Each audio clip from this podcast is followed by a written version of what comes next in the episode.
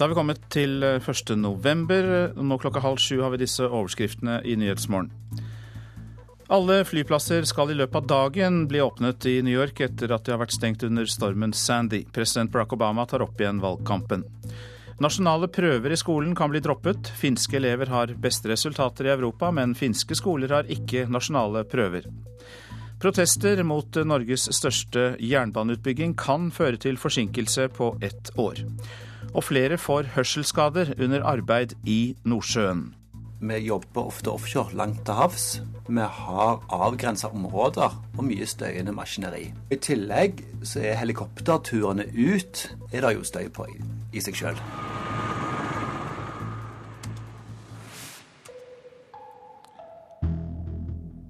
Østkysten i USA er på vei tilbake til normalitet etter Sandys herjinger de siste dagene. To av New Yorks tre flyplasser er åpnet, og den siste LaGuardia er ventet å åpne i dag. President Barack Obama besøkte offer etter stormen i New Jersey i går, og eh, han lover å sette i gang oppryddingstiltak. Med oss fra New York nå, utenriksmedarbeider Jan Espen Kruse. Hvordan ser det ut i New York? Eh, jeg er på New Jersey-sida, og eh, her er det fortsatt eh, en del områder som er uten strøm. En god del steder har fått strømmen tilbake, men det er fortsatt ganske kvartaler på kvartaler med, hvor det er helt svart. Utrykningskjøretøy, brannbiler, sykebiler, politibiler kjører rundt her i et sett det er mye å gjøre med, med strømledninger som har falt ned og som er, er farlige. Men eh, det er altså eh, Det begynner å bli en slags eh, normalitet. Som du sa, flyplassene skal komme i, i drift i dag, alle sammen. Undergrunnsbanen skal delvis komme i drift. Noen toglinjer skal også begynne å gå. Det er jo da snakk om at den siste av de tre store flyplassene i New York skal åpnes, eh, som du sier. Men eh, fortsatt er det problemer med kollektivtransporten? Ja da. det er eh, Når det gjelder Subwayen, undergrunnsbanen i New York, så er det 14 av 23 linjer som skal komme i, i gang i dag. Problemet er jo vann nede i undergrunnen. Og, og det, det, samme gjelder jo tog også. At eh, det er et godt stykke igjen, men man eh, mener altså at i løpet av dagen i dag så, eh, så skal man begynne å få bevegelse. Barack Obama besøkte jo ofre for stormen i New Jersey i går. Og ja, hvor stor betydning tror du det har at han viser sin tilstedeværelse? Jo, det har naturligvis veldig stor betydning. Han har jo stått fram som den stødige, seriøse lederen av eh, landet. Eh, I denne situasjonen så er det jo han som har vist at han styrer, eh, mens rivalen hans, Mitt Romney, jo har blitt satt i stor grad på sidelinja. Så selv om valgkampen nå etter hvert skal komme i gang igjen, så er det vel grunn til å tro at det er Obama som, er, er, som tjener på eh, den situasjonen. Han har framstått som en klar leder. Skal det komme et stalltips, Jan Espen Kruse? Hva tror du blir eh, hovedfokus i valgkampen? Eh, jeg vil vel tro at Obama vil spille såpass mye som han kan på det at han er, er lederen. Det er, det er naturligvis eh, fortsatt økonomi som er det viktigste for folk. Eh, men det blir vanskelig for Mitt Romney å eh, Han kan jo ikke kritisere noe særlig akkurat nå. Det vil være veldig upopulært. Sånn at dette, dette spillet rundt, rundt, stormen og den naturkatastrofen er vanskelig for, for Romney. Takk skal du ha, utenriksmedarbeider Jan Espen Kruse, som altså var med oss fra New York-området. Vi og andre medier har jo brukt mye tid og trykksverte på å omtale USA etter stormen Sandys herjinger, men så er det også slik at Karibia har vært hardt rammet. Og da har vi bedt deg komme, Lene Stenseth, utenlandssjef i uh, Røde Kors. Hva kan du si om omfanget av skadene lenger sør? Ja, det er nå snart en uke siden Sandy passerte Cuba og Haiti, og vi begynner først nå å få oversikt over eh, skadene. Flere hundre tusen mennesker har mista husene sine, skoler og helseinstitusjoner er ødelagt, Og vi ser også at store avlinger har gått tapt. I tillegg på Haiti så ser vi nå en økning i antall eh, koleratilfeller. Haiti sliter jo fortsatt med å komme seg etter forrige storm, så hvor kraftige, hvor omfattende er problemene nettopp der? Mange mennesker bor jo fremdeles i telt eh, og midlertidige boliger på Haiti. Og det er klart at når du får en storm med en så eh, kraftig eh, virkning, altså så mye vind og så mye regn, så rammes mennesker veldig hardt. Og vi vet også at det er dårlig med vannforsyning, kloakksystemene fungerer ikke på Haiti. Og det gjør også at flomvannet blander seg med drikkevannet, og mange blir syke. Det som er viktig da, er jo å jobbe godt i forkant. Vi har folk på Haiti som har jobba i flere år nå med å gjøre befolkninga forberedt på orkaner av denne typen.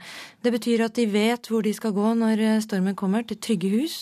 De vet at de ikke skal drikke vannet rett etterpå. Eh, og så vet de også at de kan oppsøke Røde Kors på Haiti for å få hjelp. Hvilke tanker gjør du deg når du hører all omtalen av eh, stormens herjinger i USA, da? Det er klart at de eh, finansielle ringvirkningene av eh, stormen når den treffer USA, er veldig store. Men når det gjelder materielle skader, så er de kanskje enda mer omfattende i land som Cuba og Haiti. Og de menneskene som rammes, sånn som flere hundre tusen i disse to landene, de trenger jo hjelp. Det vi ser, er at det er faktisk færre som dør nå eh, når disse kraftige stormene treffer. Og det er fordi at eh, landene har blitt flinkere til å jobbe med forebygging, gjøre folk forberedt. Men samtidig er de materielle skadene større enn før. Og når stormene kommer hyppigere og er kraftigere enn tidligere, så blir det enda viktigere nå fremover å jobbe med lokalbefolkningen, sånn at de kan møte de utfordringene som disse stormene bringer med seg. Men hvis du skulle sette ord på den følelsen du får når eh, medienes fokus er eh, nesten bare på USA, og når det da den samme stormen eller orkanen faktisk har herja en uke tidligere lenger sør, Vårt fokus er jo selvfølgelig på å hjelpe de som, som trenger det. Og vi har hatt fokus på Cuba og Haiti hele veien. Vi har jobba med Cuba og Haiti Røde Kors. Vi har hatt folk på bakken som har forsøkt å finne ut hvor store skadene er, hvordan vi kan hjelpe folk best mulig. Eh, og det er det vi er opptatt av. Og så er vi også selvfølgelig opptatt av å få frem det budskapet at dette rammer eh, veldig mange sårbare mennesker i land som ikke har de samme ressursene som USA til å kunne respondere i etterkant. Mange takk skal du ha, Leni Stenseth, som da er utenlandssjef i eh, Røde Kors. Det pågår intense forhandlinger for å hindre at byggingen av Follobanen blir forsinket. Lokalpolitikerne i Østfold protesterer mot planene om dobbeltsporet mellom Oslo og Ski, fordi de er redd pendlere langs østre linje pga. plassmangel om noen år må bruke det gamle sporet og ikke den nye banen. Innsigelsene kan føre til at prosjektet blir forsinket, sier assisterende prosjektdirektør Anne Katrine Kalager i Jernbaneverket. I første omgang så, så, risikerer vi i verste fall en forsinkelse, en utsettelse av byggestart, og dermed også ferdigstillelse med ett år. Det er eh, fullt på togene i denne regionen, og det er eh, stor etterspørsel etter eh, at man skal kunne sette opp flere tog. Det er det ikke plass til, sånn som situasjonen er i dag. Og Derfor er det viktig at vi får bygget Follobanen. Anne Katrine Kallager i Jernbaneverket. Det statlige selskapet Gassnova har brukt millionbeløp på å leie inn konsulenter fra selskaper der en av direktørene i Gassnova selv hadde eierandeler og interesser. Det skriver VG. Gassnova mener at viseadministrerende direktør Ole Rønnings eierandel i et selskap som fikk oppdrag fra Gassnova var så liten at det ikke gjør ham inhabil, men selskapet innrømmer regelbrudd.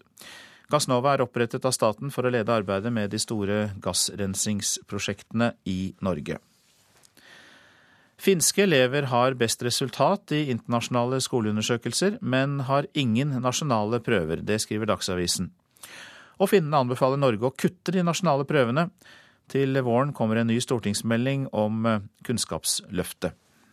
Finske elever fikk toppscore i PISA-undersøkinga ei felles europeisk kunnskapsmåling, og det uten nasjonale prøver.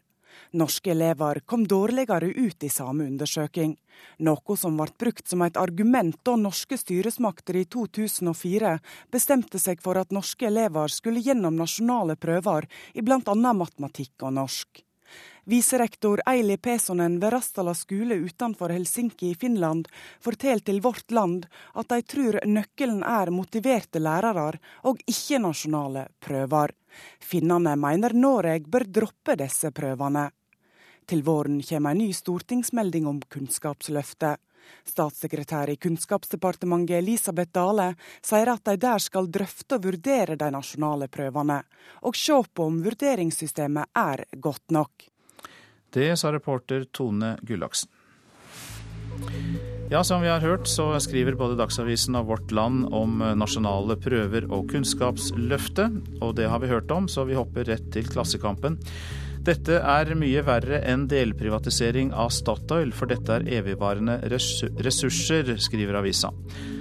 De refererer til en gruppe tidligere ledere innenfor kraftproduksjon som frykter salg av norske naturressurser i stor stil dersom Høyre kommer til makten.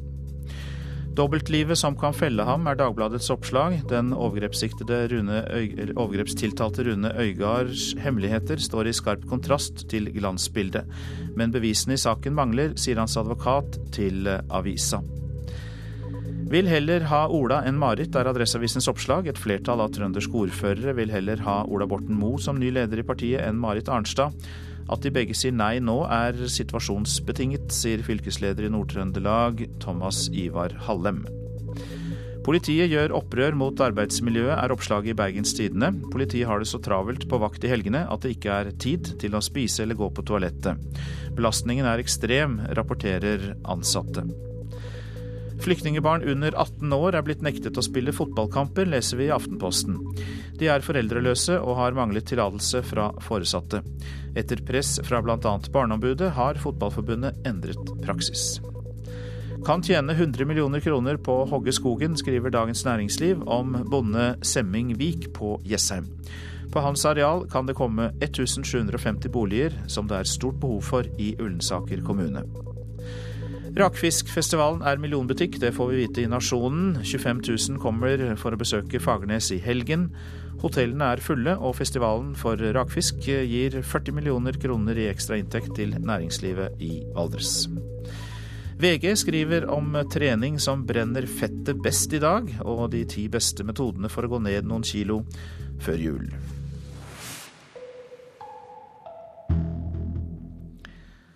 Norge burde innføre samme system som Sverige for å motvirke svart arbeid i private hjem. Det mener Roald Yttervik, som leder et av Sørlandets største malerfirmaer. I går fortalte NRK at de store malerfirmaene har gitt opp private oppdrag pga. omfattende svart arbeid. Men i Sverige har de med enkle grep redusert problemet kraftig, sier Yttervik. Det innebærer at uh, de som bruker uh, slike tjenester uh, hjemme, de får skattefradrag for det. Og at det dermed det blir ikke så attraktivt å jobbe svart. Og det er jo nettopp i hjemmet at en ofte har bruk for de her tjenestene, sånn at det er der det er noe å hente. Hello. Do you have this ID, ID card? No. No ID? This company. Ja. En utenlandsk maler i en stige på et byggefelt i Froland, med oppdrag for en norsk byggherre, uten kontrakt, ID-papirer og trolig svart. Et av mange eksempler Fellesforbundets Tor Åge Kristiansen ser på sine inspeksjoner på byggeplasser på Sørlandet. Ja, her fant jeg et eh, typisk eksempel på, på det som vi mener er eh, svart arbeid. Eh, hvor eh, han som har leid inn fyren eller ansatt den, eller hva det nå enn er for noe, dette her, han, eh, han, var ikke klar over disse reglene i det hele tatt, og det er det vi treffer veldig ofte. At eh, byggherrer eller byggmestere ikke vet det. De har nok en anelse om at det er litt sånn i gråsonen, eh, men dette er opplagt uryddig, sett fra vårt ståsted. NRK Sørlandet fortalte i går om et omfattende svartmarked som gjør at de største malerfirmaene har gitt opp å få oppdrag i private hjem. Kort og godt fordi det meste er svart. Ja, når det gjelder utvendige malerarbeider eh, i privatmarkedet, så engasjerer vi oss ikke i det i det hele tatt. Det er noe som eh, stort sett i dag blir utført av eh, østeuropeere, og, og, ofte eh, svart. Roald Yttervik i Grimstad leder det største malerfirmaet mellom Oslo og Stavanger. og Han krever at myndighetene rydder opp i rotet og øker kontrollene. Og at de innfører samme systemet som i Sverige, som gir skattefordel for boligeiere som velger hvitt framfor svart arbeid. Jeg forventer definitivt at eh, myndighetene griper fatt i det dette og, og tar det på alvor. Jeg føler at debatten er altfor uh, fraværende. Her burde politikerne virkelig vise at de ønsker å gjøre noe med den eh, svarte økonomien. Roald Yttervik i Brødrene Jacobsen AS, reporter eh, Erik Vik Andersen. Flertallet i nominasjonskomiteen vil at Dagrun Eriksen skal toppe Kristelig Folkeparti-listen fra Vest-Agder. Dermed er det fortsatt helt åpent om hvem som skal toppe listen, etter at Eriksens hjemkommune Kristiansand foreslo Hans Fredrik Grøvan i stedet. Leder av nominasjonskomiteen, Ivar Lindahl, sier til Fedrelandsvennen at de håper at KrF kan komme i regjeringsposisjon etter valget, og at eh, Eriksen vil være en ypperlig kandidat til toppen av lista, altså. Du hører på Nyhetsmorgen, og klokka den går mot 6.46. Dette er hovedsaker. Alle flyplasser i New York-området kommer til å være åpne i løpet av dagen. President Barack Obama tar opp igjen valgkampen. Nasjonale prøver i skolen kan bli droppet. Finske elever har eh, de beste resultatene i Europa, men finske skoler har ikke nasjonale prøver. Og protester mot Norges største jernbaneutbygging, Follobanen, kan eh, bli forsinket med ett år.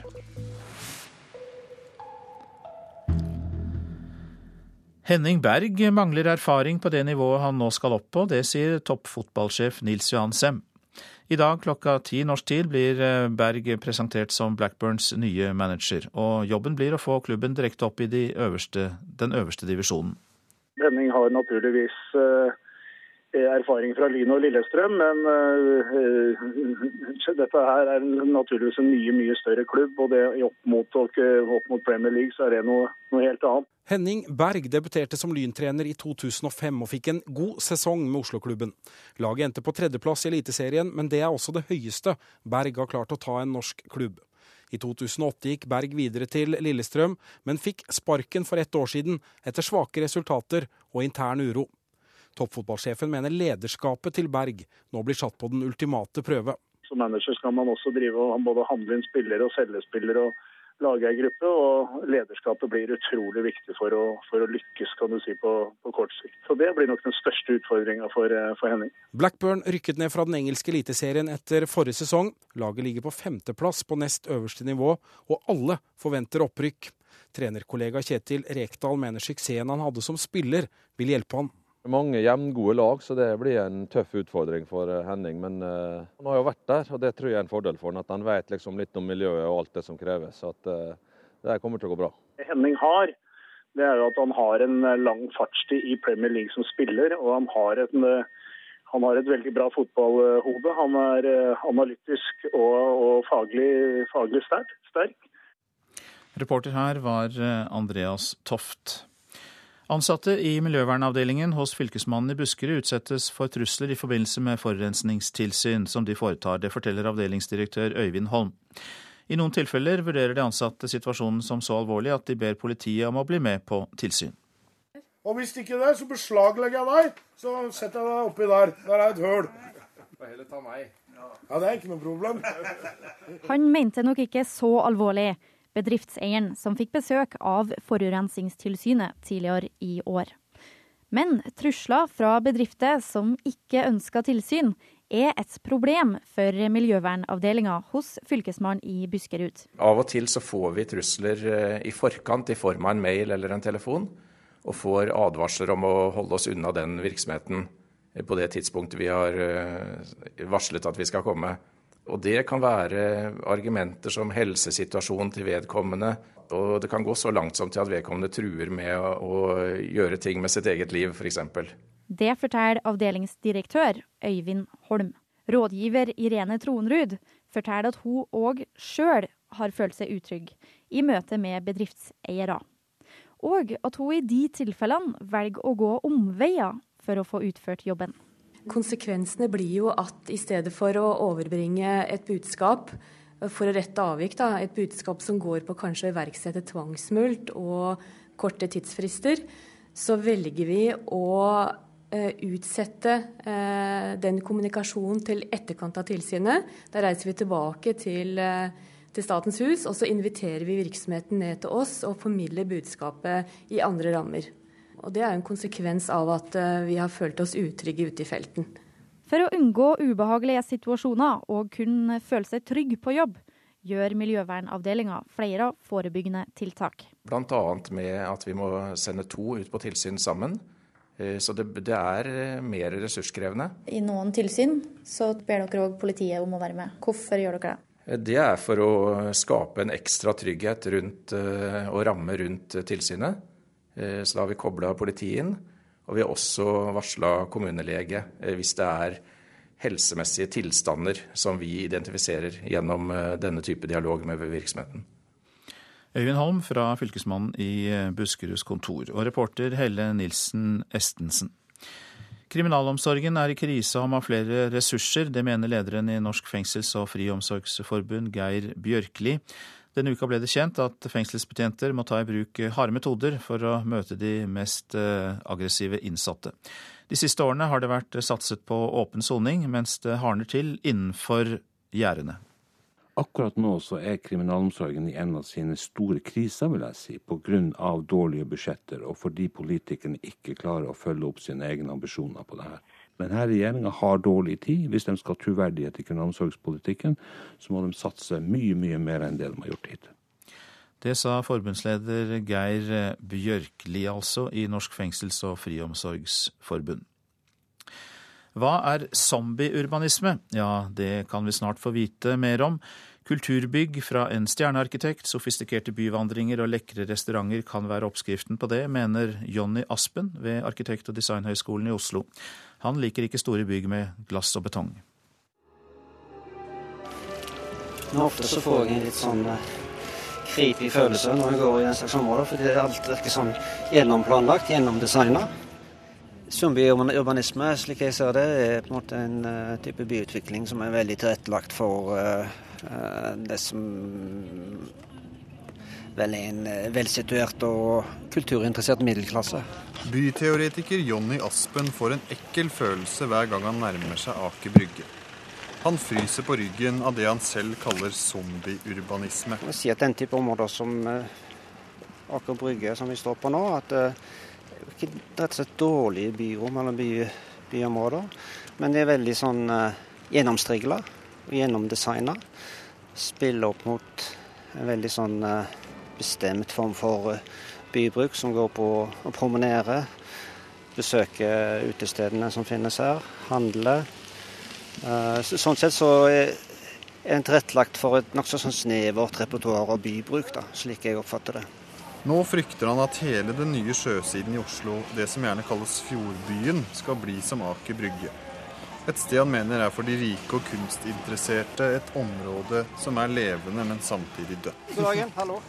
Bård Folke ja. Byråd for byutvikling i Oslo, Bård Folke Fredriksen, står plutselig rett ved siden av oss på Aker Brygge. Det var ufattelig dårlig vær i dag. Han skjønner ikke helt hva Aspen mener med zombieurbanisme, men forstår nok til å være uenig. Den uh, fjordbyutviklingen Oslo legger opp til, baserer seg nettopp på at det skal være åpent og allment uh, tilgjengelig. Selv om det også bygges leiligheter og kontorer i området, så er det jo en blandet funksjonsbruk.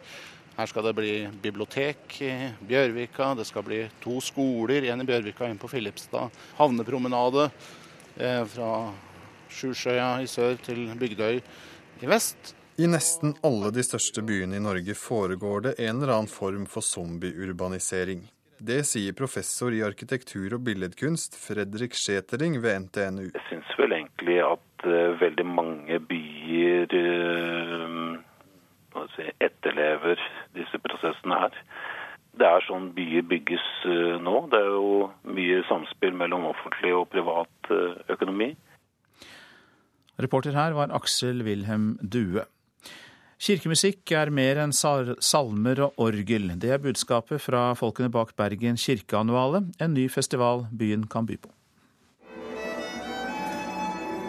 Det varmes opp til ny festival i Bergen domkirke. Denne veka arrangerer de Bergen kirkeannuale for aller første gang. Målet er å skape en årlig høstfestival for kirkekunst og musikk, forteller domkantor Kjetil Almenning. Vi trenger et enda tydeligere og synligere utstillingsvindu for alt det fine som foregår i kirka. All den tradisjonen vi står i, og all den fornyinga som jeg mener er så spennende å ta tak i. Domkantoren ønsker å åpne nye øyre for kirkemusikken. Noen tror kanskje at det er mye blått hår i i salen. Men, eh, men, med spennende artister og eh, nyskapende prosjekt, så tror jeg at det vil lokke også andre konsertgjengere til våre konserter. Til å åpne festivalen onsdag kveld kom en av ringrevene i norsk jazz, Jon Balke, med det multikulturelle konsertstykket Sivan. Her møtes flere musikkstiler og religioner i et felles prosjekt. I utgangspunktet så var det en, eh, en musikalsk fantasi eh, basert på eh, poesi fra Al-Andalus, som er den perioden i Spania hvor, hvor, Spania var under muslimsk herredømme, men hvor katolikkene og jødene og, og, muslimene på en måte hadde en slags samme eksistens. Er kirkemusikken i ferd med å fjerne seg fra det kirkelige? Nei, det er ikke den. Og det er ikke det vi ønsker å gjøre med denne festivalen her heller. Det blir skapt veldig mye god kirkemusikk hver eneste dag i Norge. Både bruksmusikk inn mot eh, gudstjeneste, men òg eh, kunstmusikk til bruk i mer konsertramme. Og der fins band mellom norsk jazz og kirkemusikk, mener Jon Balke. Det er mange som har eh, spurt hva den nordiske sounden består i. Og jeg tror den har en eller annen dyp rot i kirkemusikken og den eh, religiøse salmetradisjonen liksom, som jo henger sammen med måten vi har eh, blitt sunget våre vågesanger til, osv. Så, videre. så det ligger noe dypt der. Noen dype røtter, tror jeg.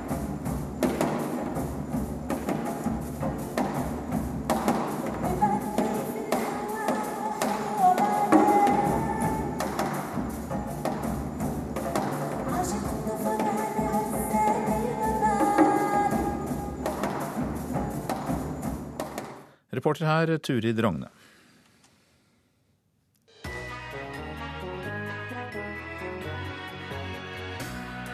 Nyrike kinesere setter grå hår i hodet på den eldre garde i kommunistpartiet. Partielitens sønner og døtre og gründere som flasher pengene sine og kjører rundt i rådyre biler med damer til pynt, irriterer folk flest. I boka 'Brødre' beskriver forfatter Yu Hua de nyrike på en så avslørende og sann måte at kineserne føler seg utlevert. Hør mer i Radioselskapet klokka 11. Så værvarselet. Østlandet og Telemark liten kuling på kysten, spredt regn, vesentlig indre og vestlige strøk. I kveld økende nedbør fra sør og lokal tåke. Agder får stiv kuling på kysten og sterk kuling vest for Lindesnes. Litt regn, utover kvelden minkende vind, men økende nedbør. Rogaland sørøstlig sterk kuling utsatte steder. Liten storm sør for Obrestad. Stort sett opphold. I kveld etter hvert regn. Hordaland og Sogn og Fjordane sørøstlig stiv og periodevis sterk kuling utsatte steder, stort sett opphold.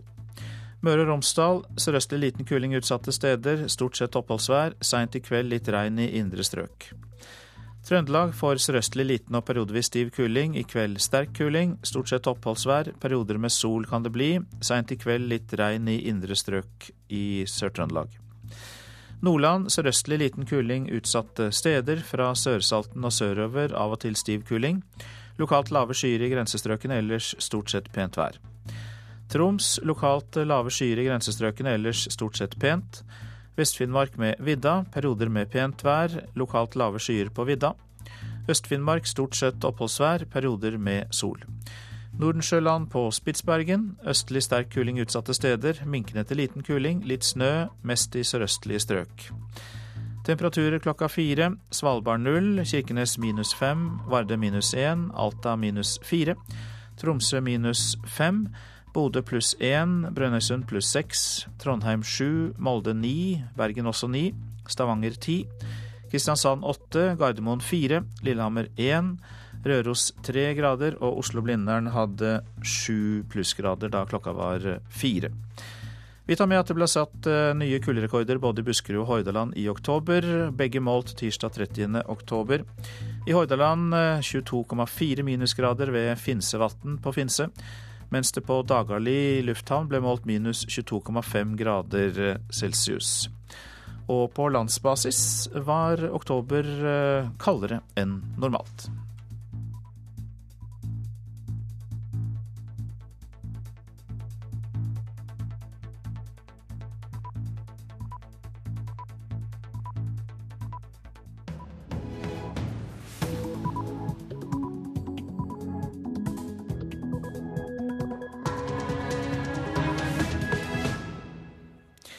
Ja, NRK gir deg Nyhetsmorgen på eh, P2 og Alltid nyheter. Nå klokka sju har vi denne nyhetsoppdateringen.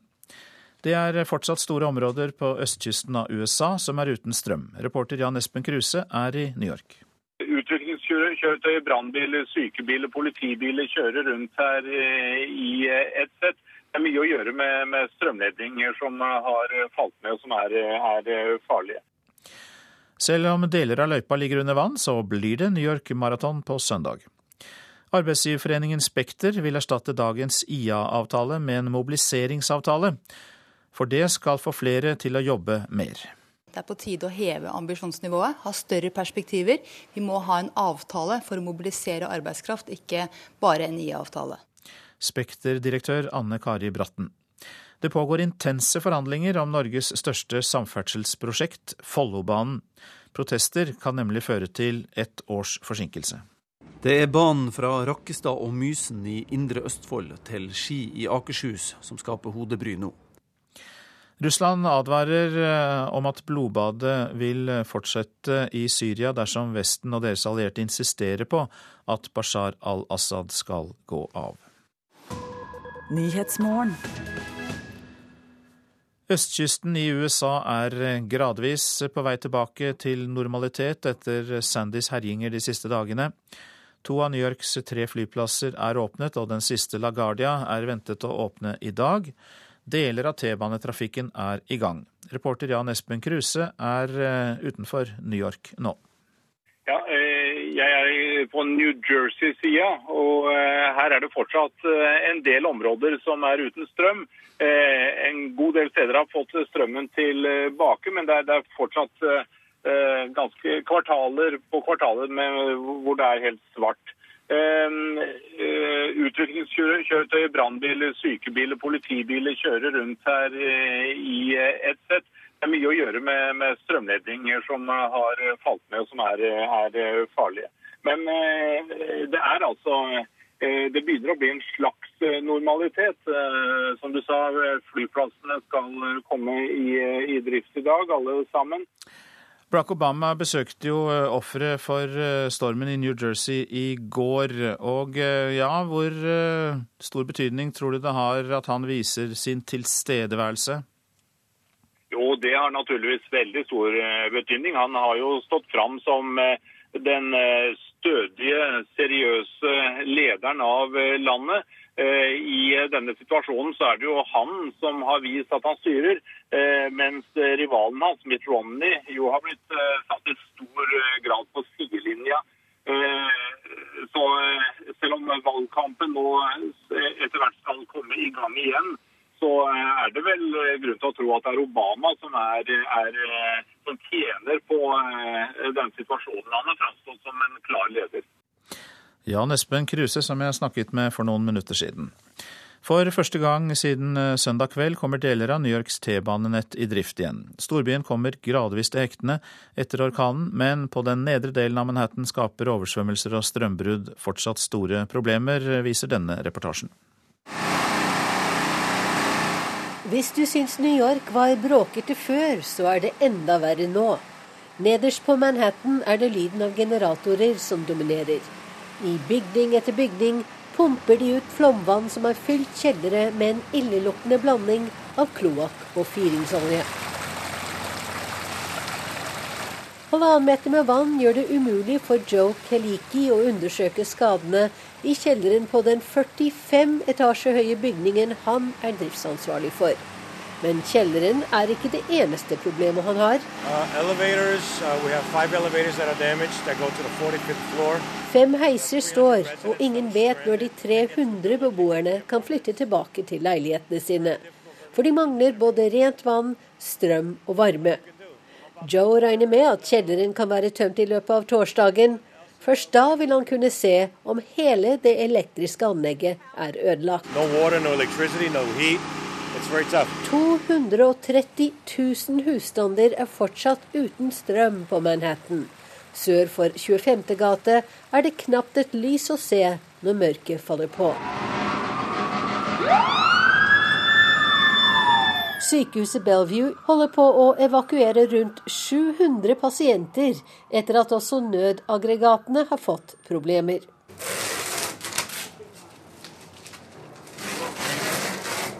Men det er noen som har fått strømmen tilbake, bl.a. en kinarestaurant ved Battery Park på Manhattans sørspiss.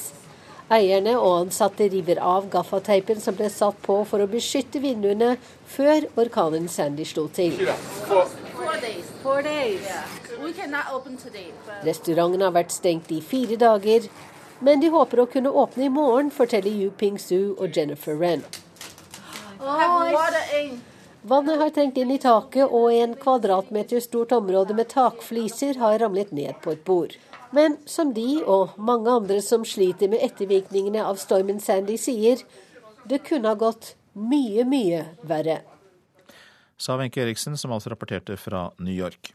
Det har lenge vært usikkert om New York Marathon eh, går av stabelen på søndag eller ikke, men i går kveld fikk arrangørene den endelige bekreftelsen fra borgermesteren om at det blir maraton, selv om deler av løypa fortsatt eh, kan stå under vann. En av deltakerne, Thomas Martinsen, reiser til New York fredag og håper på tørre gater. Jeg har jo aldri løpt med sånn tights før. Altså, jeg har løpt med tights, men aldri med sånn kompresjonstights. Thomas Martinsen sjekker ut en type supertights på sportslageret i Oslo sentrum. De, de ser jo veldig raske ut, de, det er bilda på forsiden her. Planen er at den skal hjelpe han lettere gjennom 4,2 mil under New York Marathon på søndag. Ja, altså Flyet går fredag morgen eh, klokka 11, tror jeg det er. Så, eller formiddag, da. Så, så, planen er å dra da. Det siste reisebyrået sa var jo at eh, alt går som planlagt. Kommer du til å reise uansett? Jeg eh, har jo fått eh, barnevakt og hundevakt, og mormor og morfar er vel plassert allerede. Så et eller annet må vi i hvert fall finne på. Men barnevaktbookingen var nok lur. For selv om maratonarrangørene venter på endelig grønt lys fra øverste hold i New York, vil trolig løpet gå som normalt. Et annet reiseselskap, Sport og helseferie, reiser derfor som planlagt i dag av gårde med et lass, forhåpentligvis veltrente nordmenn. De er ikke bekymra for arrangementet, sier salgsansvarlig der, Eirik Kraft. De har eh, full intensjon om å arrangere eh, løpet eh, som planlagt, og de jobber veldig hardt for å få det til. De er veldig flinke i slike krisesituasjoner til å komme seg raskt på beina igjen. og, og å få dette her på, på, plass og vise at de, de, klarer å gjennomføre noe sånt eh, på tross av eh, motgang. Thomas Martinsen drøyer likevel tightskjøpet en dag til for sikkerhets skyld. Kun for å unngå et mulig bomkjøp. Og Blir det ikke noe løp før til neste år, så kan det hende at jeg må ha en modell som er litt mindre, for da har jeg sikkert fått trent enda mer. det sa Thomas Martinsen til reporter Ellen Borge Christoffersen. Arbeidsgiverforeningen Spekter vil erstatte dagens IA-avtale med en mobiliseringsavtale, altså en avtale som skal få flere til å jobbe mer. For Norge trenger en avtale som har mer ambisiøse mål enn bare å redusere sykefraværet. Vi må få inn mer arbeidskraft, ifølge Spekter-direktør Anne Kari Bratten. Nå er det på tide å tenke mye bredere, og vi må ha mye høyere ambisjoner for dette arbeidet enn det vi har hatt i IA-avtalen. Det er på tide å heve ambisjonsnivået, ha større perspektiver. Vi må ha en avtale for å mobilisere arbeidskraft, ikke bare en IA-avtale. Fokuset må dreies fra inkluderende arbeidsliv til hvordan vi skal klare å mobilisere nok arbeidskraft i Norge, når arbeidsgivere og arbeidstakere skal vurdere en ny avtale neste år. Det sier viseadministrerende direktør Anne Kari Bratten i Arbeidsgiverforeningen Spekter. Det mangler grep for å sikre at norske kvinner kan jobbe mer, og for at vi kan øke sysselsettingsgraden i innvandrerbefolkningen. Det mangler også tiltak for å sikre at ikke så mange faller ut av videregående skole som de gjør i dag. Det er jo et fra frafall i videregående skole som er svært bekymringsfullt. 30% nesten faller fra, og mange av de kommer aldri inn i arbeidslivet igjen. Ja, Vi ser jo det at uh, dette er uh, grupper som uh, sliter med å komme inn på arbeidsmarkedet. og Derfor mente vi at det ville være riktig å ha fokus på, på minoritetsgrupper og innvandrergrupper også. Alt det som du nevner nå er det helt nødvendig å jobbe med skal vi få et arbeidsliv som vi ønsker. En god idé, men det kan bli for mange mål også, sier Tore Kvalheim, som leder yrkesorganisasjonene. Vi må anstrenge oss eh, like mye med de tre delmålene vi har i dag. Altså få ned sykefraværet, få flere funksjonshemmede i arbeid og få flere eh, si, eldre til å stå, lenger i, i, arbeid. Så Hvis dette betyr at vi skal jobbe mindre med det, så er jeg ikke enig. Og dette må partene i arbeidslivet, arbeidsgivere, arbeidstakere og myndigheter enes om sammen, sier arbeidsminister Anniken Huitfeldt. Jeg syns det er viktig at vi får en brei diskusjon om hva en avtale om inkluderende arbeidsliv bør inneholde. Men det som har vært sentralt i dette samarbeidet, er at aldri staten har sagt at dette må inn. Men tvert imot har vi sagt at her skal vi felles lage en avtale som vi kan bli enige om. Derfor er jeg glad for dette initiativet, men jeg kan ikke komme nå med noe utspill om hva en ny avtale skal innebære. Og dere har et år på dere? Ja, det har vi. Men jeg er glad for at partene er såpass fornøyd med den avtalen som vi har hatt et, om et inkluderende arbeidsliv. Den har gitt gode resultater. Sykefraværet har gått ned. Så jeg syns det er bra at eh, partene allerede nå tar opp diskusjonen om en ny avtale. Reporter Hedvig Bjørgum. Og god morgen til deg, Knut Årbakke. God morgen. Du er leder i Akademikerne. Og eh, denne IA-avtalen, eller inkluderende arbeidslivsavtalen, eh, har den tjent sitt formål? Ja, delvis har den det. Eh, særlig den siste avtalen som kom i 2009, og som skal virke ut 2013, har gitt resultater. Den er mer målrettet, og den er mer dedikert i forhold til de tiltak som skal til for bl.a. å få ned sykefraværet. Og så er det da et ønske her som vi hørte fra Spekter om en forbedring, kanskje en annen type avtale. Og de, noen av de ordene vi hørte her var ambisjoner, grep, tiltak. Men kan du sette ord på dette, hva det kan bety for en enkelt arbeidstaker at man utvider avtalen og gjør den breiere? Ja, det, det, det der det er kanskje noen skjær i sjøen. Fordi at uh, det partene var veldig bevisste på i 2009, det var ikke lage en for omfattende avtale. For én ting er hva vi rundt et uh, møtebord i Oslo sitter og sier at vi skal få til jobben skal gjøres ute i den enkelte lille verkstedsbedrift, i den enkelte kommune, i den statlige etat og i Statoil og Hydro. Eh, så her skal det gjøres en stor innsats av tillitsvalgte og ledelse ute i virksomhetene. Vi kan ikke da sitte og pålegge eh, stadig flere tiltak. Da tror vi at ansvaret pulveriseres og målene ikke blir nådd. Så da kan eh, ønsket om å få til det aller beste bli det godes fiende i en viss forstand? At man ikke får gjennomført noe fordi man gjør det altfor bredt og for omfattende? Ja, jeg tror det er i hvert fall redd for at vi eh, liksom gaper for høyt. Det som viste seg i de første IA-årene, det var at man hadde litt for uklare mål og, og litt for lite eh, konkrete tiltak. Nå har vi tre eh, hovedmål. De er gode, og de er egentlig svar på det spørsmålet som flere stiller her om å få flere i arbeid. For det at hvis du fikk ned sykefraværet, hvis du fikk opp pensjoneringsalderen, og hvis du fikk flere funksjonshemmede i arbeid, ja, så fikk du, fikk du flere hender i arbeid. Og det er jo det eh, Anne Kari Bratten i Spekter her etterlyser, nemlig en, en aktiviseringsreform eh, eh, som gjør at vi skal få flere til å jobbe. Og det er egentlig det IA-avtalen handler om. Men eh, du er kanskje enig, sånn hører jeg deg i hvert fall, eh, i at den, avtalen, eh, den nye avtalen godt kan være noe breiere og omfatte noe mer enn den gjør i dag? Ja, Det, det syns jeg vi først skal evaluere. Den du er ikke avtalen. sikker på det? Nei, jeg er ikke helt sikker Nei. på det.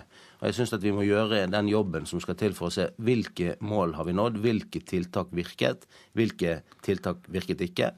Det viktigste har vært disse tre hovedmålene, og vi er ikke i mål. På sykefraværet har vi litt igjen å gjøre, særlig i offentlig sektor. Mm. Eh, på pensjoneringsalder vet vi ikke helt ennå. Og på inkludering av de med nedsatt funksjonsevne i arbeidslivet så har vi langt igjen.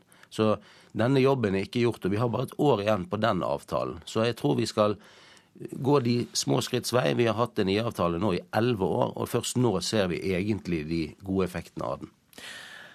Og Knut Årbakke, dette skal jo du være med på sammen med mange andre. Alle skal med på en måte, altså staten, arbeidsgiverne og arbeidstakerne. Så dette er et arbeid dere går inn i nå et års tid framover. Ja, det er helt riktig. Takk skal du ha. Du er leder i Akademikerne.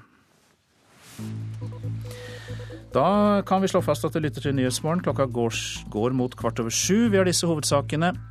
New York er i ferd med å komme til hektene igjen etter orkanen Sandy, som vi har hørt i sendinga, og vi har nettopp hørt at arbeidsgiverorganisasjonen Spekter vil endre dagens avtale om inkluderende arbeidsliv, men får ikke full støtte til dette fra akademikerne. Russland advarer mot at et blodbad i Syria vil kunne fortsette dersom Vesten insisterer på at Bashar al-Assad skal gå av.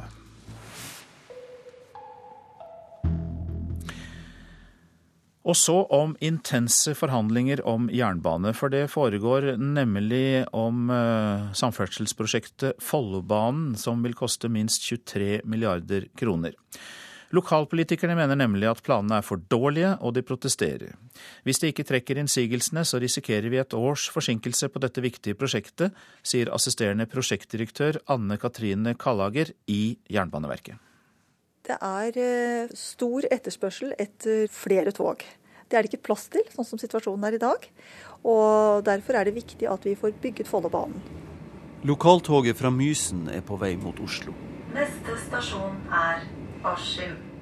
Østre linje har vel ikke akkurat førsteprioritet, konstaterer passasjer Lars Brødholt. Det er ikke sjelden at det er noe som man må vente ekstra eller et eller annet sånt. da. Det er banen fra Rakkestad og Mysen i Indre Østfold til Ski i Akershus som skaper hodebry nå.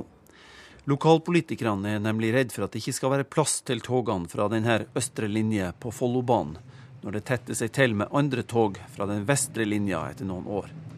At de skal måtte ta til takke med det gamle sporet og gå glipp av den nye tida med dobbeltspor i en 19,5 km lang tunnel, der toget suser og går i et par hundre kilometer i timen, minst.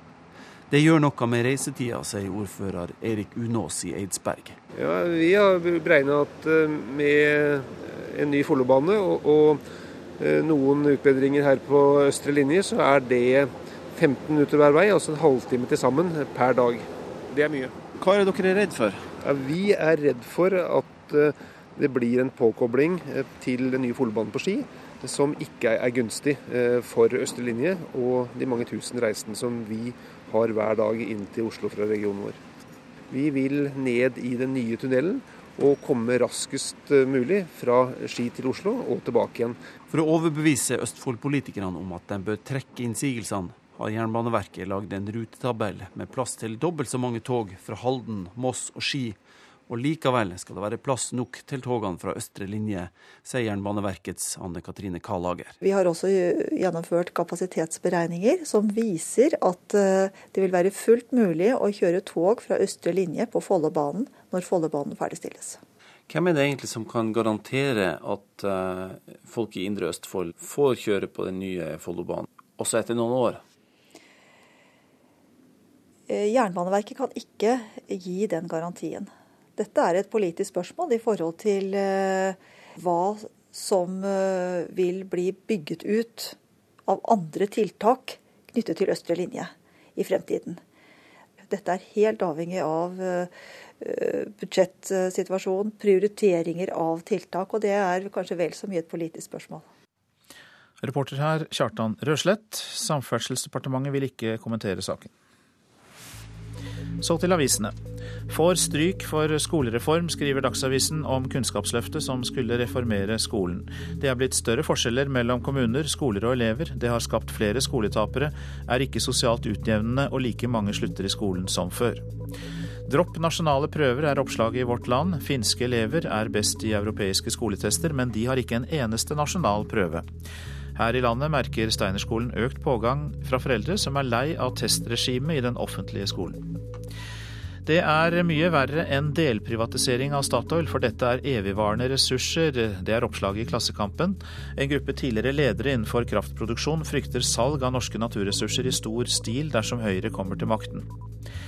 Dobbeltlivet som kan felle ham, er Dagbladets oppslag. Den overgrepstiltalte Rune Øygards hemmeligheter står i skarp kontrast til glansbildet. Men bevisene i saken mangler, det sier hans advokat til Dagbladet. Vil heller ha Ola enn Marit, er Adresseavisens oppslag. Et flertall av trønderske ordførere vil heller ha Ola Borten Moe som ny leder i partiet enn Marit Arnstad. At de begge sier nei nå, er situasjonsbetinget, sier fylkesleder i Nord-Trøndelag Senterparti, Thomas Ivar Hallem. Politiet gjør opprør mot arbeidsmiljøet, er oppslaget i Bergens Tidende. Politiet har det så travelt på vakt i helgene at det ikke er tid til å spise eller gå på toalettet. Belastningen er ekstrem, rapporterer de ansatte. Flyktningebarn under 18 år er blitt nektet å spille fotballkamper, leser vi Aftenposten. De er foreldreløse og har manglet tillatelse fra foresatte.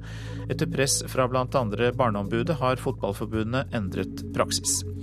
Og VG skriver om trening som brenner fett best, og de ti beste metodene for å gå ned noen kilo før jul.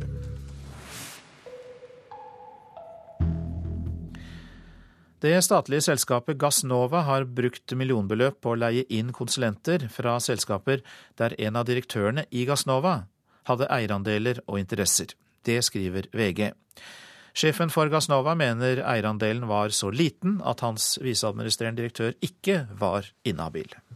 Det statlige selskapet Gassnova ble opprettet i 2007 for å ta seg av CO2-prosjektet på Mongstad. Selskapet har rundt 40 ansatte, og bruker i tillegg betydelige beløp på innleide konsulenter. I 2007, i et internt notat VG har fått tilgang til, advarte en jurist i Gassnova om en situasjon som kan oppfattes som at bukken passer havresekken. Juristen siktet til at Gassnova leide inn konsulenter fra selskapet Portside, et selskap en av direktørene, Ole Rønning, eide 2% av. Ifølge VG var det avdelingen Rønning selv ledet som leide inn konsulentene. Også i en uavhengig gjennomgang av Gassnova i 2011, gjennomført av revisorselskapet Deloitte, pekte man på problemene med at noen så ut til å sitte på begge sider av bordet. Administrerende direktør i Gassnova, Bjørn Erik Haugan, sier imidlertid at Rønning ikke har vært inhabil. Haugan viser til en vurdering gjort av advokatfirmaet Vikbo Rein, som konkluderte med at en eierandel på 2% ikke var nok til å gjøre Rønning inhabil. Vikbo Rein viser bl.a. til tidligere vurderinger gjort av Justisdepartementet. Sa reporter Halvard Norum. I Nigeria utfører myndighetenes sikkerhetsstyrker overgrep i kampen mot ekstreme religiøse grupper. Det sier Amnesty i en rapport. Det utfører både utenomrettslige drap, bortføringer og tortur, skriver organisasjonen. En talsperson for den nigerianske hæren avviser beskyldningene og sier at soldatene alltid opererer innenfor loven. En industribygning øst i Riyadh i Saudi-Arabia ble rammet av en kraftig eksplosjon i går, eller i dag faktisk. Store deler av bygningen ble fullstendig ødelagt i eksplosjonen, forteller et øyenvitne. Det er foreløpig uklart om noen ble skadd i eksplosjonen. Ifølge nyhetskanalen Al Arabiya var eksplosjonen forårsaket av en tankbil som gikk i lufta ved en bensinstasjon. De øverste lederne i Kinas kommunistparti samlet seg torsdag til et siste møte før partikongressen i neste uke. Partikongressen er den 18. i rekken, og den skal markere et generasjonsskifte i kinesisk politikk. En rekke medlemmer av den kinesiske toppledelsen forlater sine verv etter å ha sittet i dem i eh, ti år. Syria advarer om at et blodbad i, blodbad i, Syria vil fortsette dersom Vesten og deres allierte insisterer på at Bashar al-Assad skal gå av. Russlands utenriksminister Sergej Lavrov møtte i går Frankrikes utenriksminister Laurent Fabius. Over 36 000 mennesker er drept og millioner drevet fra sine hjem, og eh, vi har møtt noen av dem. Ahmed Zerik har flyktet fra kampene i Aleppo. Han forteller at det var umulig å bli boende der. Det var kamper overalt mellom den syriske regjeringshæren og opprørsstyrker. Det var døde mennesker i gatene. Det var ikke noe sted for barna å bli værende. Og når han dro på jobb, visste han aldri om han kom hjem i live.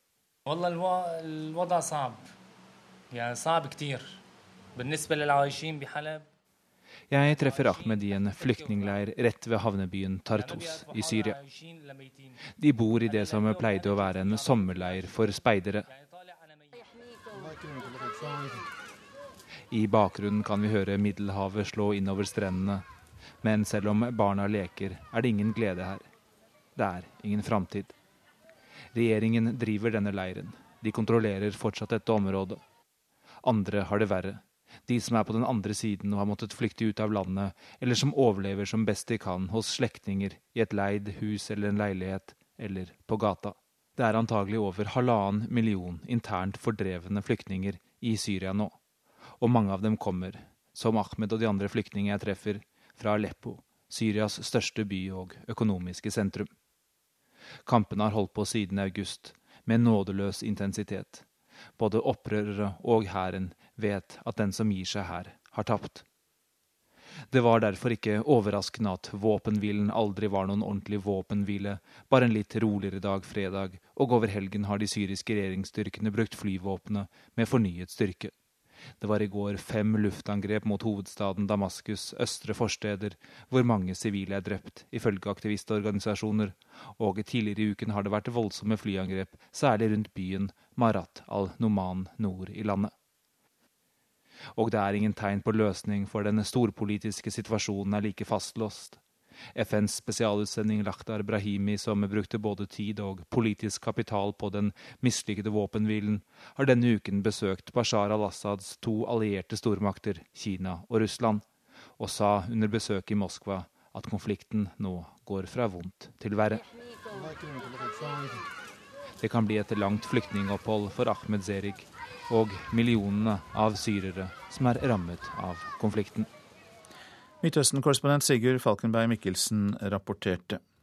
Stortingets utenriks- og forsvarskomité er i Tyrkia. Der har de, hatt, der har de besøkt flyktningleirer ved byen Gaziantep på grensen til Syria for å få vite mer om hvordan den store flyktningstrømmen blir håndtert.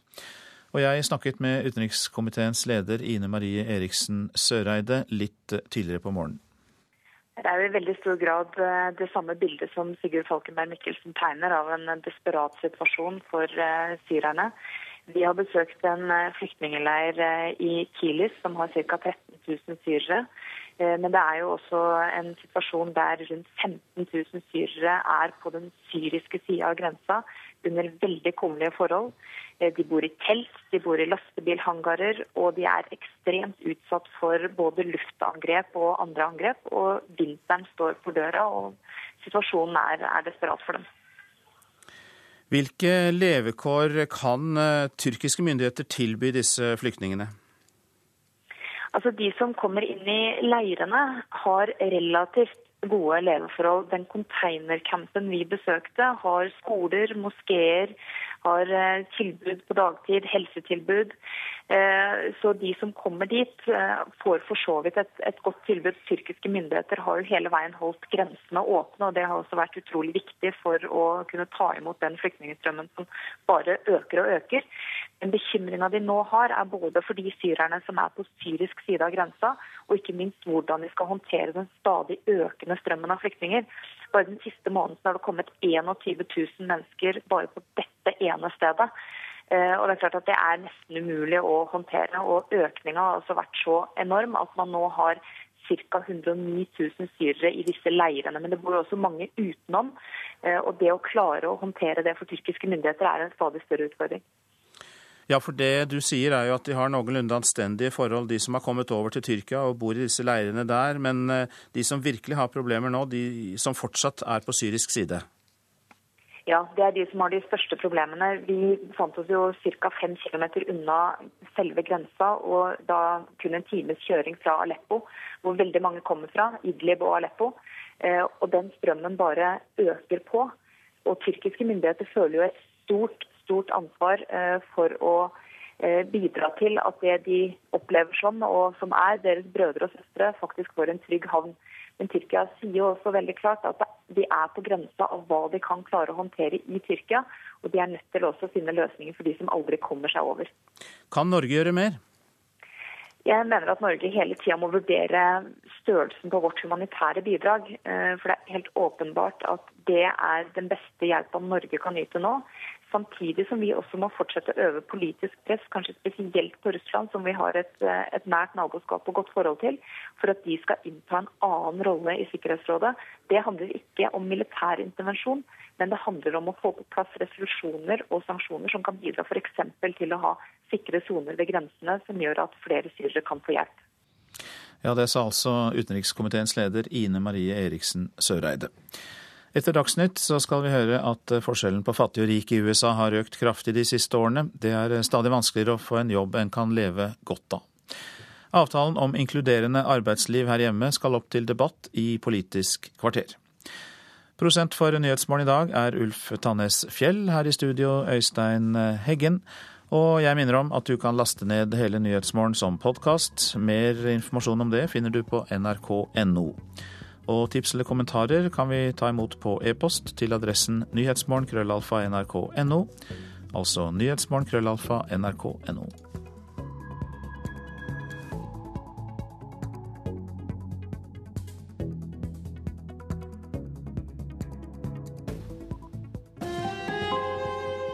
Hør ekko. Hun er 55 år, hvit, enslig europeer med solid lommebok. Han er bare 20 en strandløve med varmt smil og åpne armer. Hun lengter etter et eventyr. Han trenger penger.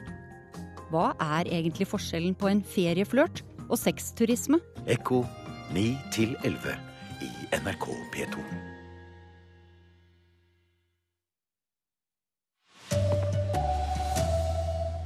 New York er i ferd med å komme seg på beina igjen etter den voldsomme stormen.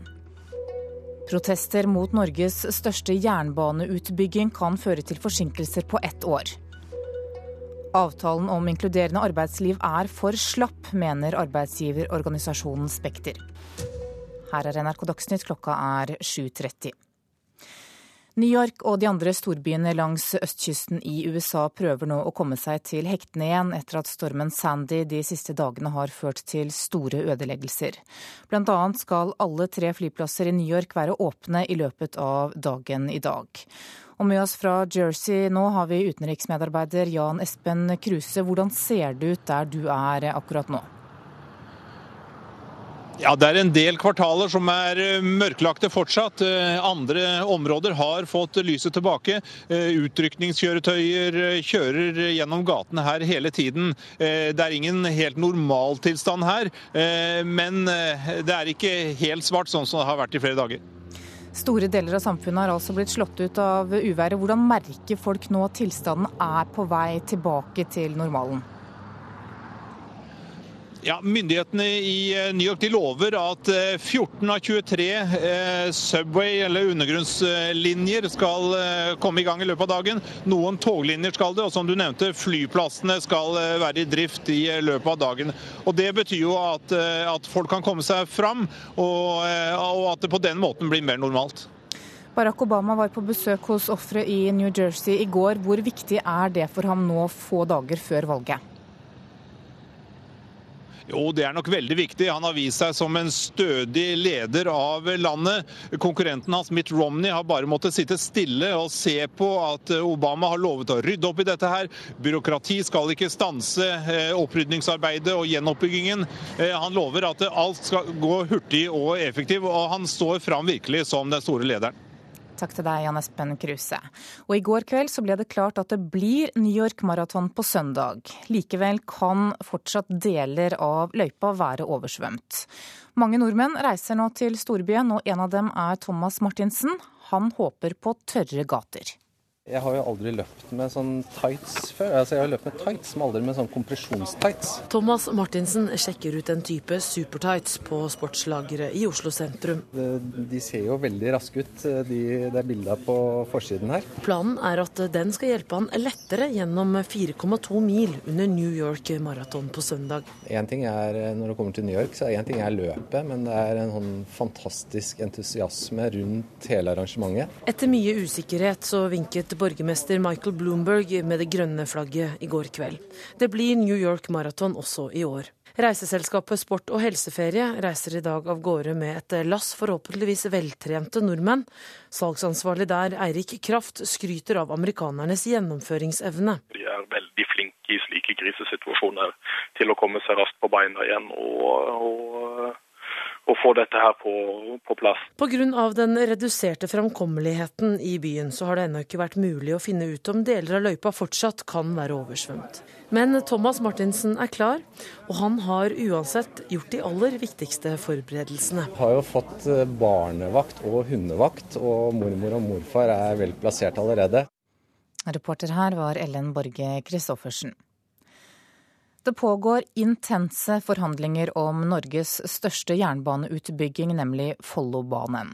Utbyggingen vil koste minst 23 milliarder kroner, men lokalpolitikerne mener planene er for dårlige og protesterer. Dette kan forsinke prosjektet med et helt år, sier assisterende prosjektdirektør Anne Katrine Karlager i Jernbaneverket. Det er eh, stor etterspørsel etter flere tog. Det er det ikke plass til, sånn som situasjonen er i dag. Og Derfor er det viktig at vi får bygget Follobanen. Lokaltoget fra Mysen er på vei mot Oslo. Neste stasjon er Askim. Østre linje har vel ikke akkurat førsteprioritet, konstaterer passasjer Lars Brødholt. Det er ikke sjelden at det er noe som man må vente ekstra eller et eller annet sånt. da. Det er den østre linja fra Rakkestad og Mysen i Østfold til Ski i Akershus som nå skaper trøbbel. Lokalpolitikerne er nemlig redd for at det ikke skal være plass til togene herifra på Follobanen når det tetter seg til med andre tog etter noen år. At de skal måtte ta til takke med det gamle sporet og gå glipp av nesten en halv time spart reisetid hver dag, sier ordfører Erik Unås i Eidsberg. Vi vil ned i den nye tunnelen og komme raskest mulig fra Ski til Oslo og tilbake igjen. For å overbevise Østfold-politikerne nok til at de trekker innsigelsene, har Jernbaneverket lagd en rutetabell med plass til dobbelt så mange tog fra Halden, Moss og Ski, og likevel plass til tog fra østre linje, sier Anne Katrine Kalager. Det vil være fullt mulig å kjøre tog fra østre linje på Follobanen når Follobanen ferdigstilles. Det er positivt, det, men vi må ha garantier også på at dette vil være bra for både østre og vestre linje i mange tiår framover. Det er ikke noe Jernbaneverket per i dag kan gi garantier for. Dette er helt avhengig av eh, prioriteringer av tiltak, og det er kanskje vel så mye et politisk spørsmål. Reporter her var Kjartan Røslett, og Samferdselsdepartementet vil ikke kommentere saken. Kriminalomsorgen er i krise og må ha flere ressurser. Det mener lederen i Norsk fengsels- og friomsorgforbund, Geir Bjørkli. Denne uka ble det kjent at fengselsbetjentene må ta i bruk harde metoder for å møte de mest utagerende innsatte. De siste årene har det vært satset mer på åpen soning, samtidig som det hardner til innenfor de tradisjonelle fengslene. Akkurat nå så er kriminalomsorgen i en av sine store kriser, vil jeg si, pga. dårlige budsjetter, og fordi politikerne ikke klarer å følge opp sine egne ambisjoner på det her. Denne regjeringa har dårlig tid. Hvis de skal ha troverdighet i kriminalomsorgspolitikken, så må de satse mye, mye mer enn det de har gjort hittil. Og Statssekretær i Justisdepartementet Kristin Bergersen sier at de bl.a. vil bygge et eget fengsel for utenlandske fanger på Kongsvinger. Flere av oss må jobbe mer, det mener arbeidsgiverforeningen Spekter. Foreningen vil derfor erstatte dagens avtale om inkluderende arbeidsliv med det de kaller en mobiliseringsavtale.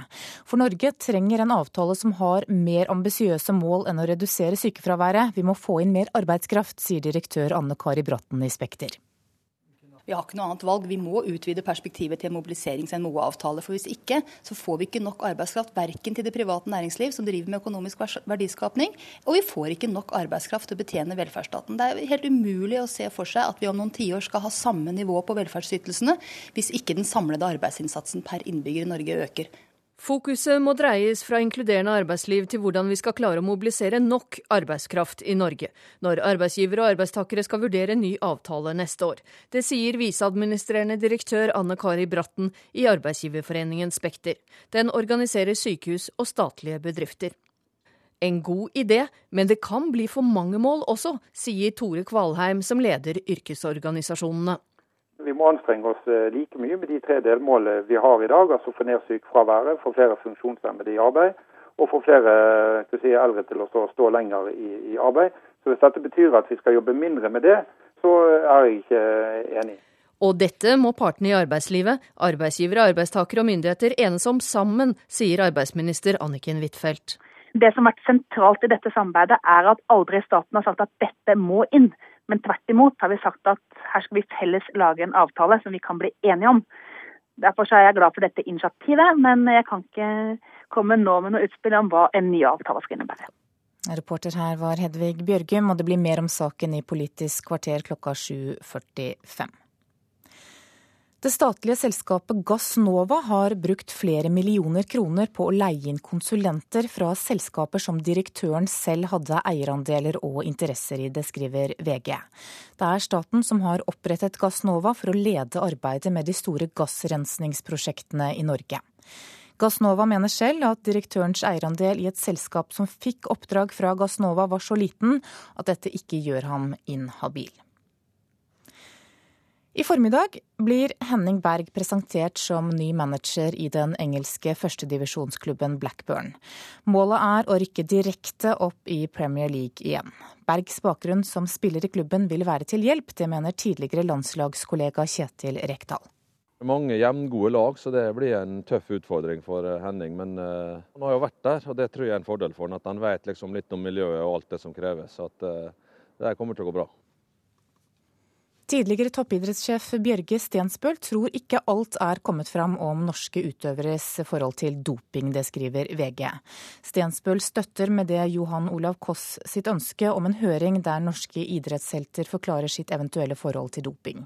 Debatten kommer i kjølvannet av Steffen Kjærgaards innrømmelser om utstrakt dopingmisbruk i sin tid, i sin tid som proffsyklist.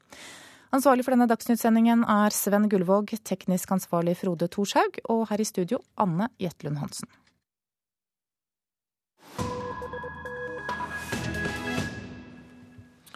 Dette er Nyhetsmorgen.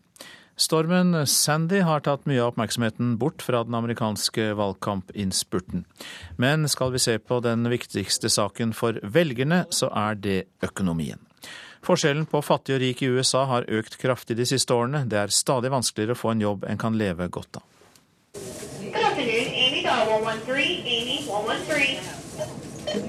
Vi er på et typisk amerikansk supermarked i delstaten Virginia.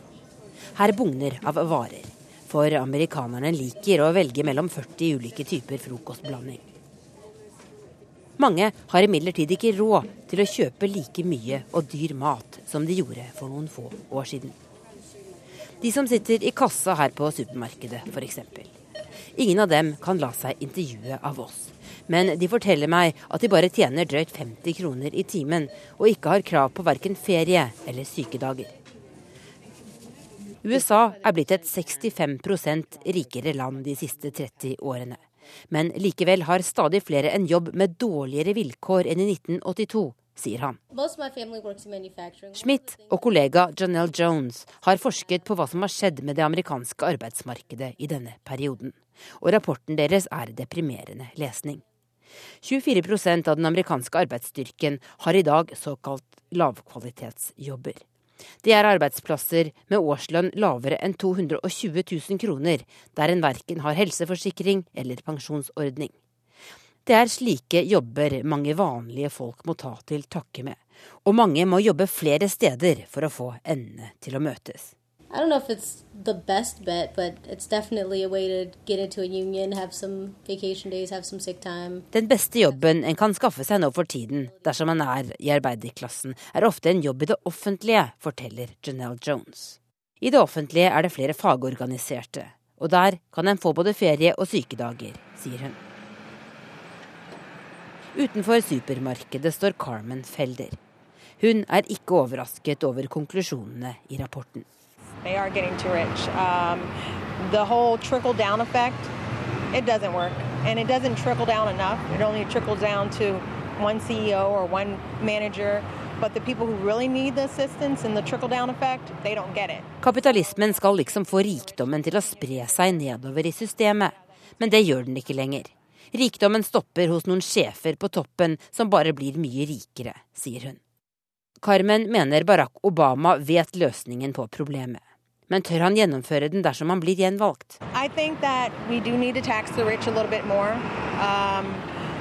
uh,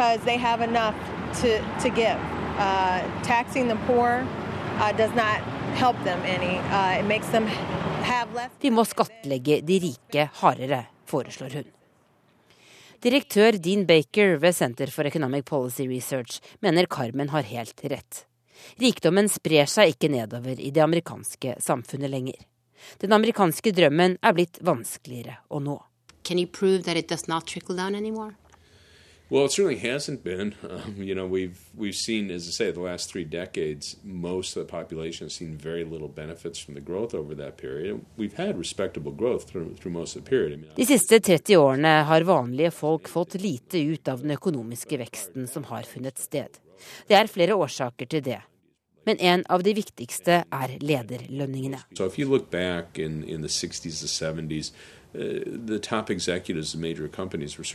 well I dag tjener han eller hun to eller 300 ganger så mye, sier Baker. Utenriksmedarbeider Tove Bjørgaas uh, hadde laget denne reportasjen.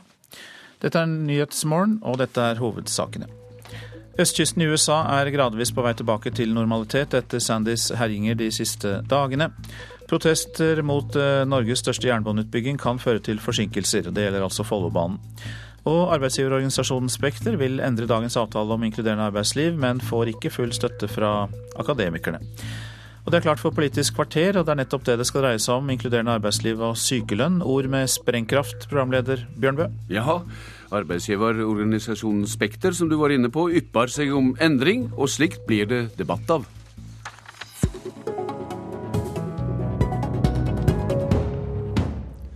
Den kjenslevare trepartsavtala om inkluderende arbeidsliv, IA-avtala, er ikke god nok til å få nok folk til å arbeide, mener arbeidsgiverorganisasjonen Spekter.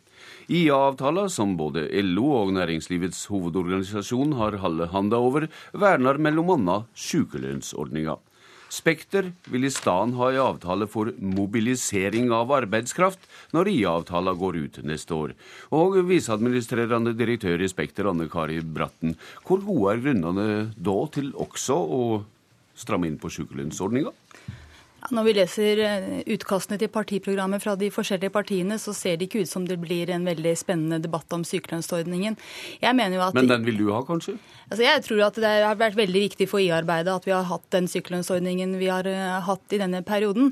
Det som eh, er mitt utgangspunkt, er at dagens IA-avtale har et altfor snevert perspektiv. Når vi ser de enorme arbeidskraftsutfordringene som Norge vil ha i årene framover. Og jeg tror vi må uh, høyne ambisjonsnivået betraktelig dersom vi skal kunne ha nok arbeidskraft både til den delen av arbeidslivet som driver med økonomisk verdiskapning, og til den delen av arbeidslivet som betjener velferdsstaten vår. Har det vært for mye degging med arbeidstakerne uten at flere har kommet i arbeid, etter ditt syn?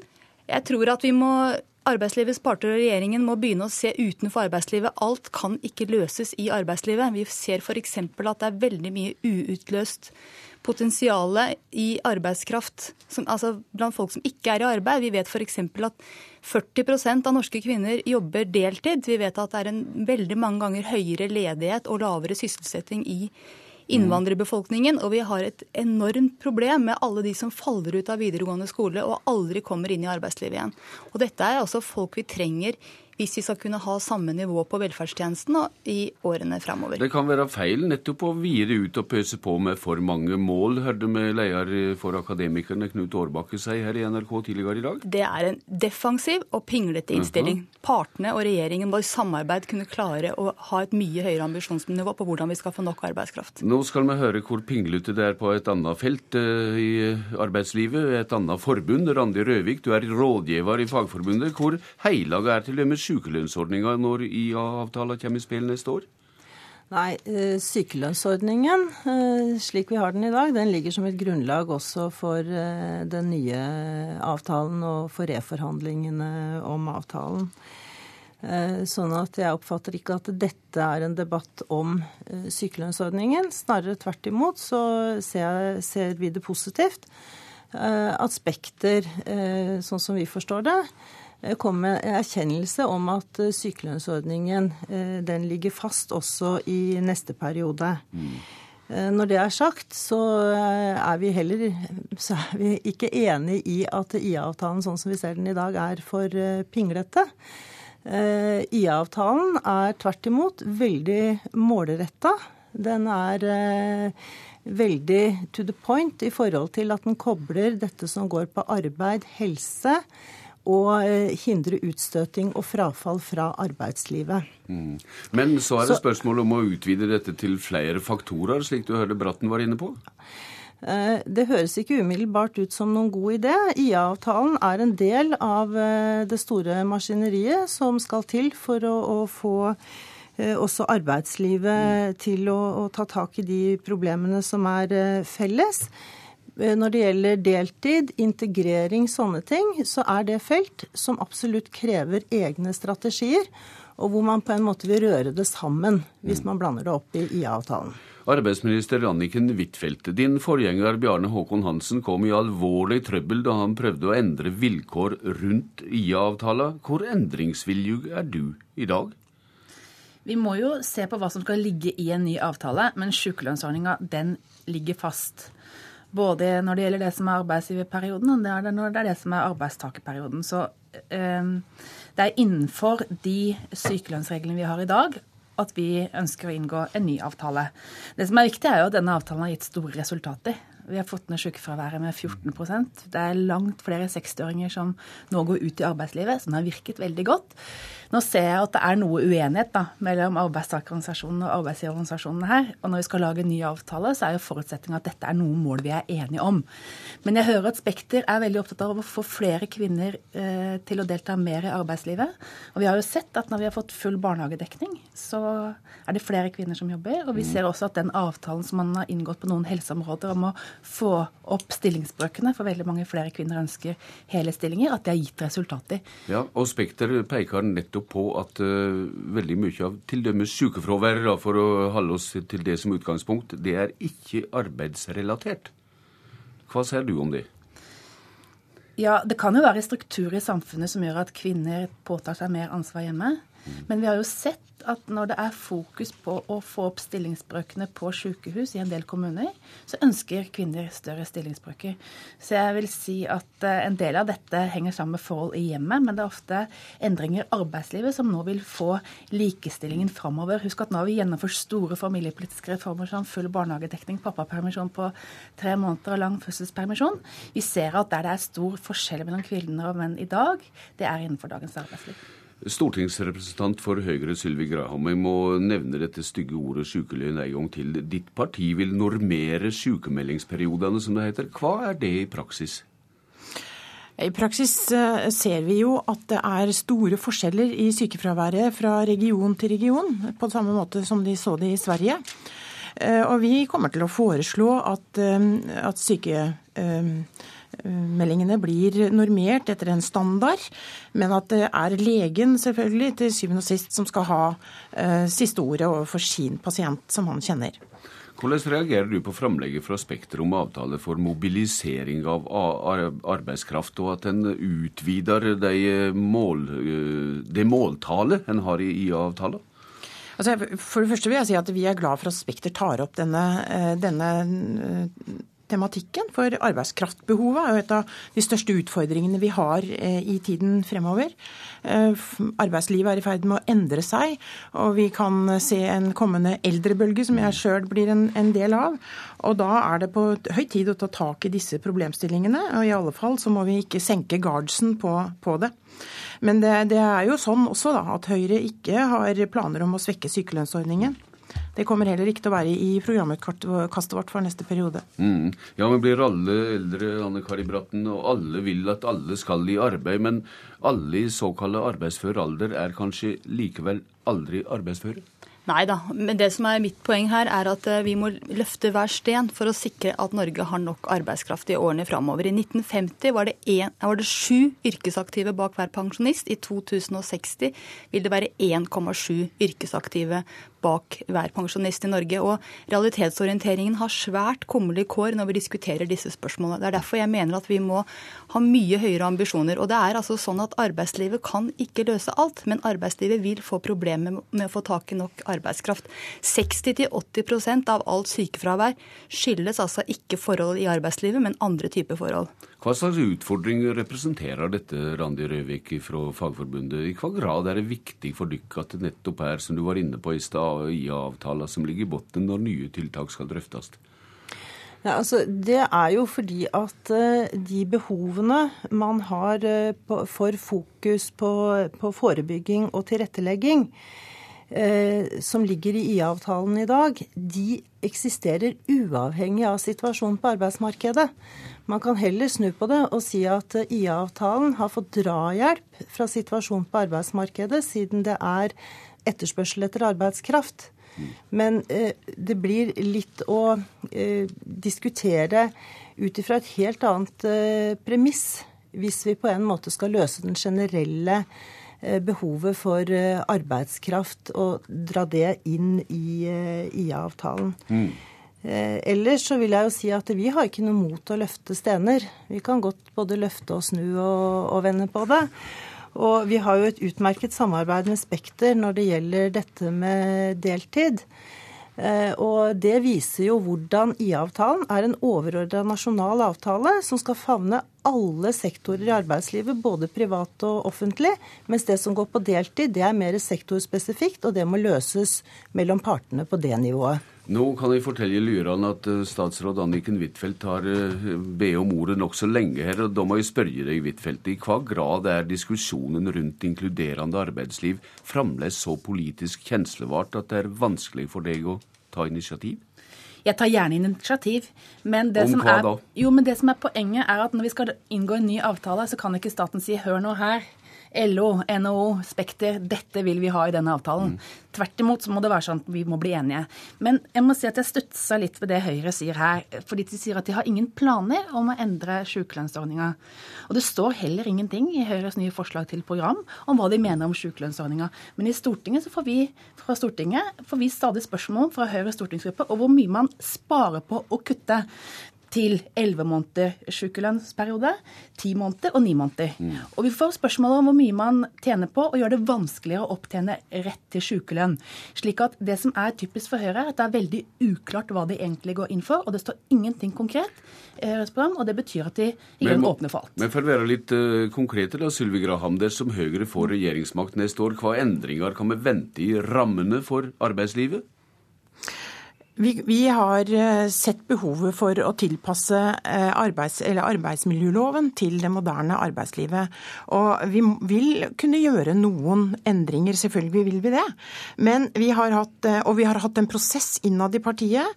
Så jeg skal love statsråden, som forsøker å skremme med at vi er så vage på dette området, at det er ingen som går til valg i 2013 som skal være i tvil om at Høyre ønsker f.eks. et trygt og anstendig arbeidsliv basert på trepartssamarbeid og anstendige vilkår, også som sagt innenfor eh, sykelønnsordningen. Vi har eh, ikke i forslaget vårt til program nå endringer i sykelønnsordningen, men f.eks. som Stoltenberg selv trakk fram eh, i 2009, var det vel, dette med normerte sykemeldinger er ett svar.